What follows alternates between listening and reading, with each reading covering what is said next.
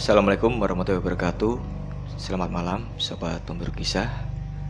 Malam hari ini kita akan menghadirkan satu kisah. Kisah ini kita dapatkan dari DM di Instagram Dari Mas Paijo ya Bukan nama sebenarnya ya. Ya. Sebut saja demikian. Eh, Mas Paijo ini berkisah Mengenai Salah satu pengalamannya Pengalaman masa muda ya. masa mudanya dulu yang mana pada saat itu terjadi di tahun 95 katanya. Ya pertengahan 90-an lah. Ya, di tahun 95. Seperti apa ceritanya? Monggo Kang Surya diceritakan kisahnya Mas Baijo ini. Oke, terima kasih Pak Cek. Ya, waktu itu Mas Paijo mungkin masih usia-usia remaja ya atau mungkin ya usia-usia di mana aktivitas dan kenakalannya sedang dalam level puncak menurutnya katanya gitu. Ya selain dia ya ini ceri- menurut ceritanya sih dia ini putus sekolah terus juga menganggur kalaupun ada kerja ya kerja serabutan seadanya di rumah pun sering dimarahi orang tua hingga akhirnya ya aktivitasnya kumpul-kumpul itu bersama dengan teman-teman seusianya atau bahkan lebih tua. Ya mungkin kalau kenakalannya saya ya istilahnya kadang-kadang juga selain main judi juga kalau menang ya minum-minum bersama ya aktivitas pada masa puncak kenakalan katanya gitu. Kemudian salah satu kegemarannya itu ya berjudi itu tadi kan biasanya menurutnya di kampungnya itu tiap kali ada tontonan ya entah itu di kampungnya entah itu di kampung sebelah tontonan ini mungkin bisa berupa kayak ada kayak wayang atau mungkin ludruk atau apa ya kesenian-kesenian gitu atau bahkan mungkin paling sering ini pokoknya tiap ada tontonan kerap kali itu ada sekelompok orang yang memang membuka itu apa lapak, lapaknya judi itu walaupun mungkin tempatnya nggak nggak Terang-terangan. terang-terangan ya tapi tersembunyi gitu ya. Tapi untuk Mas Paijo dan kawan-kawan ini informasi dari mulut ke mulut itu sudah mesti dapat kabar lah dia itu kalau eh, ada kegiatan seperti itu. Nah biasanya saya mungkin dia hanya bertaruh kalau zaman segitu mungkin ya 100 500 1000 mungkin 5000 itu sudah cukup besar perta- pertaruhan untuk masa itu. Nah pada suatu hari eh, Mas Paijo ini punya tetangga. Tetangganya ini kakek-kakek ini memang sudah sakit lama ya sakit batuk dan juga kayak mungkin radang paru-paru atau apa. Jadi kalau kalau batuk itu memang satu sekitar rumahnya itu kedengaran semua batuknya.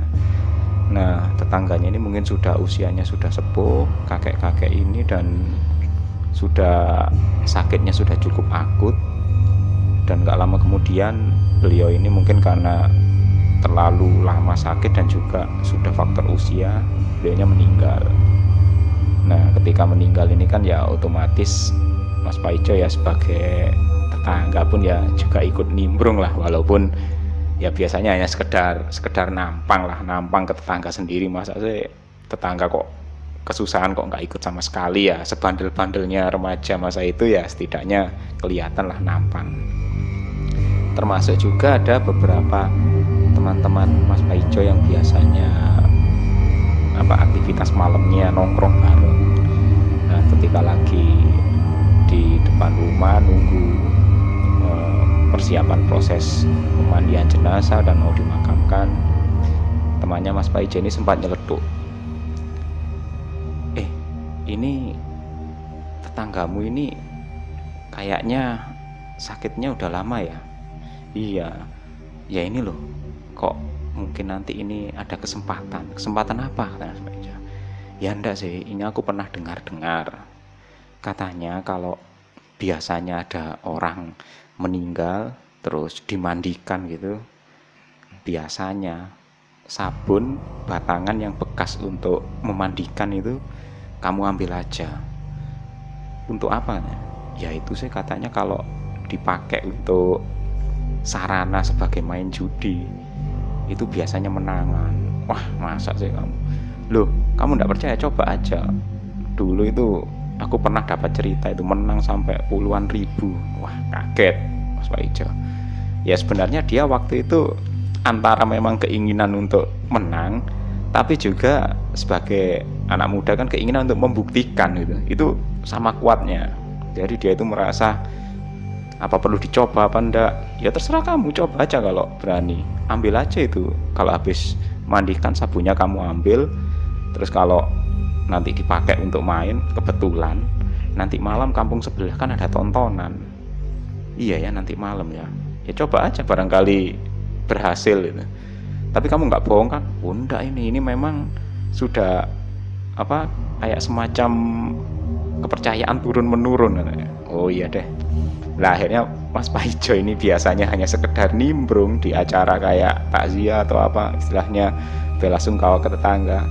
Hari itu dia pun wah aktif sekali. Bantu-bantu mengambilkan air nimba air terus ya akhirnya seolah memang karena mungkin tetangga ini sakitnya ya mungkin batuk yang mungkin dikhawatirkan menular atau apa. Jadi ya beberapa orang itu nggak nggak semuanya itu bersedia untuk bantu. Jadi hanya keluarga dekat dan Mas Pak Ijo pun kebetulan juga bersedia kayak ngambilkan nimba air terus juga nyiapkan lain-lain kebutuhan untuk memandikan jenazah. Sampai akhirnya semua selesai ya Mas Pak Ijo ini dengan sedikit merinding ya. Dia menyelinap terus sisa-sisa potongan sabun batang itu diambilnya dimasukkan ke sakunya. Ya setelah itu ya sudah proses pemakaman selesai. Mas Paijo pun pulang dia pulang terus sambil nunggu kabar dari teman-temannya. Biasanya menjelang malam itu dia berangkat dijemput teman-temannya gitu. Dia memulai apa yang diinfokan temannya tadi. Jadi sambil berbekal uang apa eh, kertas itu ya mungkin pecahan 100 500 rupiah zaman itu. Eh, sabun batangan yang sudah kering tadi itu dioleskan ke uang yang dia bawa. Terus kemudian dibungkus lagi berangkatlah dia sama teman-temannya. Nah akhirnya di tempat tontonan berada ketika di sana ada keramaian di tempat yang tersembunyi walaupun masih bisa melihat keramaian ya di tempat yang tersembunyi dengan penerangan lampu seadanya berkumpullah orang-orang yang lagi asik mengadu nasib itu tadi termasuk Mas Paijo dan kawan-kawannya. Mulailah mereka ikut bermain dan seperti yang diinfokan temannya uang tadi yang sudah diolesi oleh uh, sabun dan sedikit ada bau-baunya sabun itu dipakai untuk taruhan. Di mana dia menaruh misalkan ada pilihannya kan mungkin kayak bangun-bangun segitiga terus selingan dan warna-warna tentu Mas Paijo milih di situ. Dan sepertinya terbukti. Bola yang digelindingkan oleh Bandar itu hampir selalu berhenti di tempat yang dipilih oleh Mas Paijo. Wah otomatis dia langsung menang. Beruntun. Kadang-kadang ya nggak selalu menang tapi eh, apa persentase kemenangan itu sangat tinggi. Sampai satu jam dua jam orang-orang semakin berkumpul rame. Mereka semua mengeluh-elukan Mas Paijo. Wah ini hari keberuntungan ini kayaknya. Biasanya nggak pernah menang. Ini kok tumben anak anak-anak muda ini kok malam ini menang semua ini. Sampai akhirnya Mas Paijo itu bingung memegang apa lembaran-lembaran uang yang dia menang itu. Sampai akhirnya menjelang tengah malam sang bandar pun angkat tangan. Sepertinya dia sudah menyerah dan gulung tikar karena kemenangan hari ini telak dibawa oleh Mas Paijo dan dia harus mengakui sudah menyerah kayaknya hari ini. Memang rugi besar dia. Akhirnya dengan keputusasaan bandar itu pun acara pun selesai. Wah akhirnya Mas Paijo pun bingung dia. Dia dielu-elukan orang sekitarnya sampai akhirnya ya karena apa ya uang itu demikian cukup banyak dia pun nggak lupa membagi uang itu untuk teman-temannya sebagian dikasih sedikit-sedikit itu. Sama sedikit lagi itu ya seperti anak muda lah dipakai untuk beli minuman. Jadi mereka malam itu beli minum terus minum-minum sampai setengah sadar capek. Barulah mereka begitu tontonan selesai mereka pun pulang.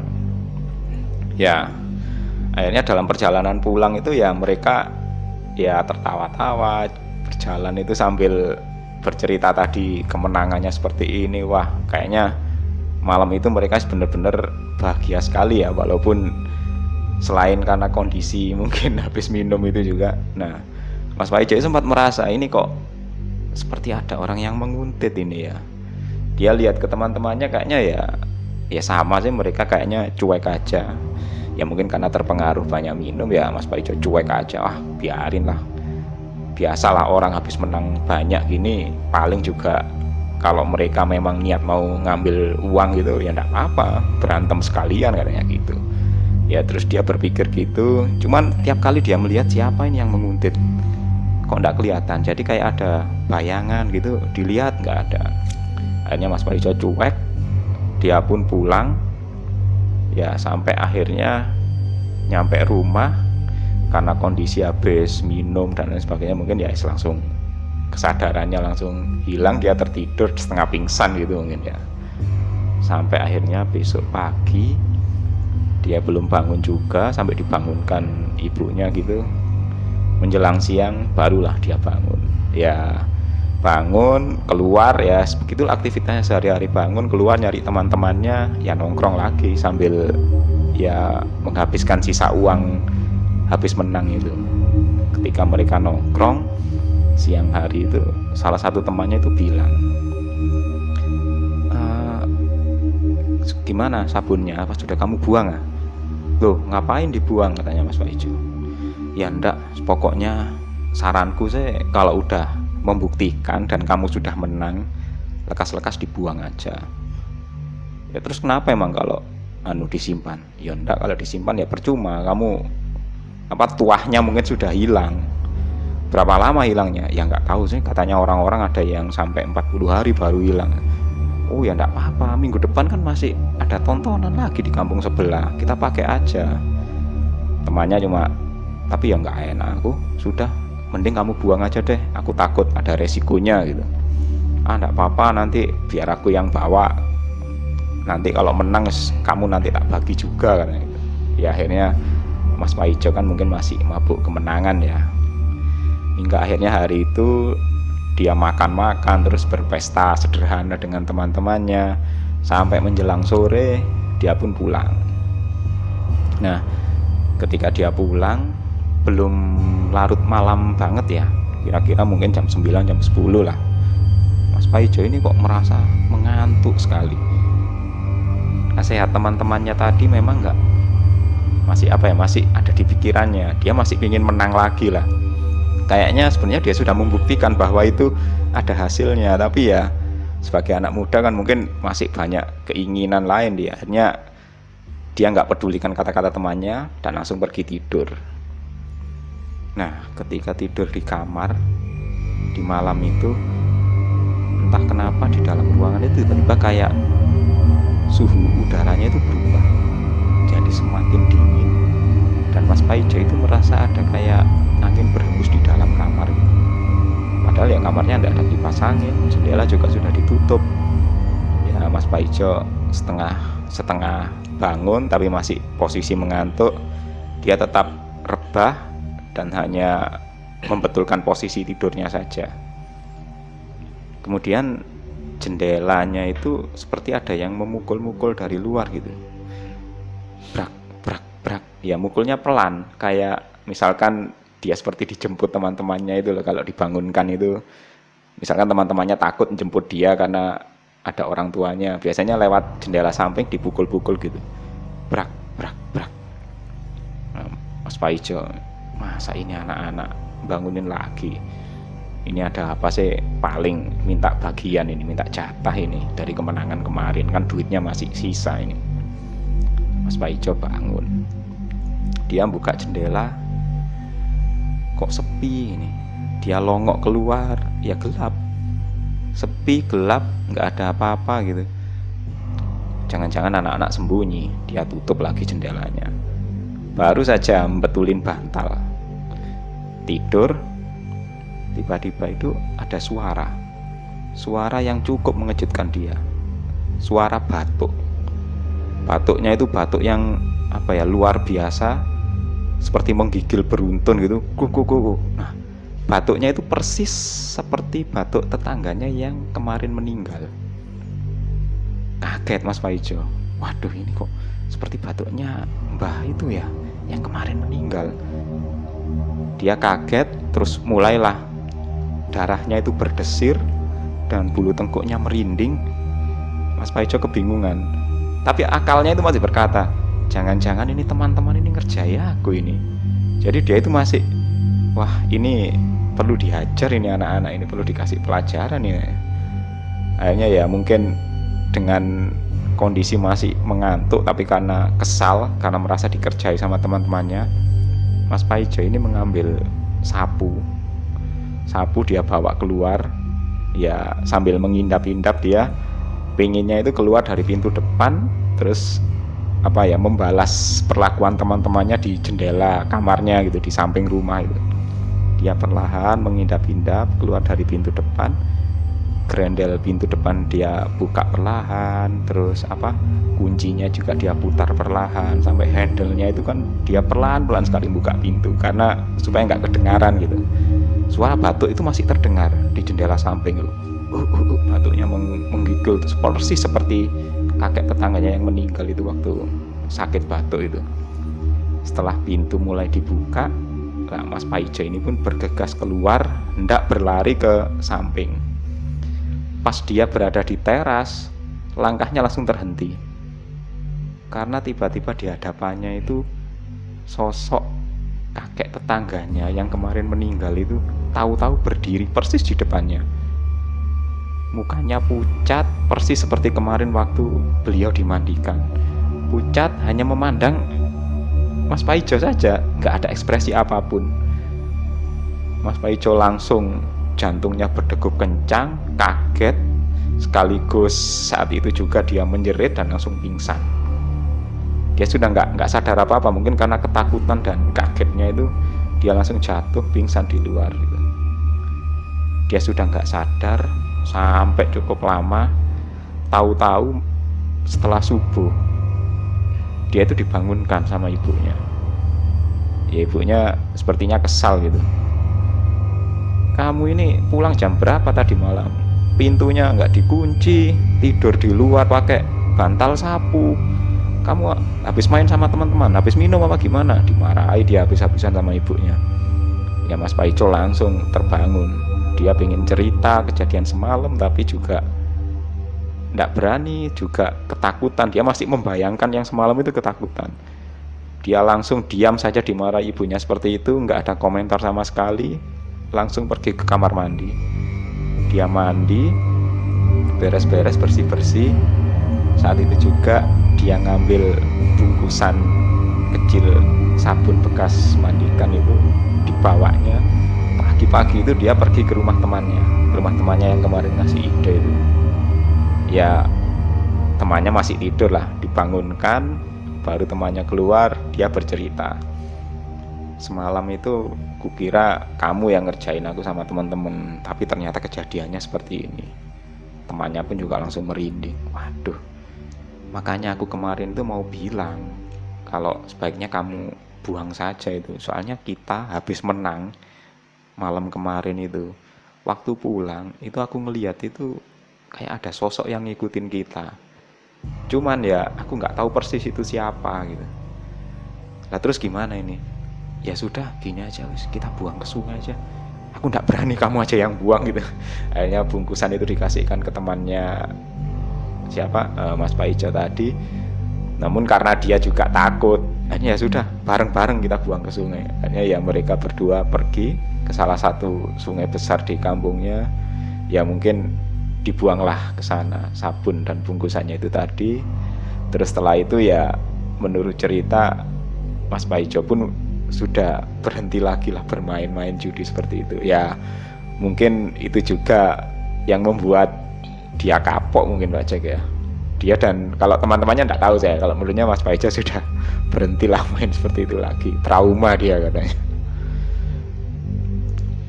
ya apa ya Kang ya segala sesuatu itu pasti ada resikonya kan Ya betul. Ya seperti yang disampaikan temannya, ketika dia merasa bahwa kalau sudah membuktikan ya sudah selesai selesai gitu. cukup ya cukup tapi kayaknya Mas Paijo belum merasa cukup gitu. Ya apalagi dipakai hal-hal yang enggak sepantasnya Enggak seperti semestinya, itu. betul. Oke sobat pemburu kisah, terima kasih telah mendengarkan kisah kali ini. Jangan lupa untuk like, subscribe, serta tinggalkan komentar di bawah. Serta ikuti kisah-kisah kami selanjutnya. Assalamualaikum warahmatullahi wabarakatuh. Bye-bye.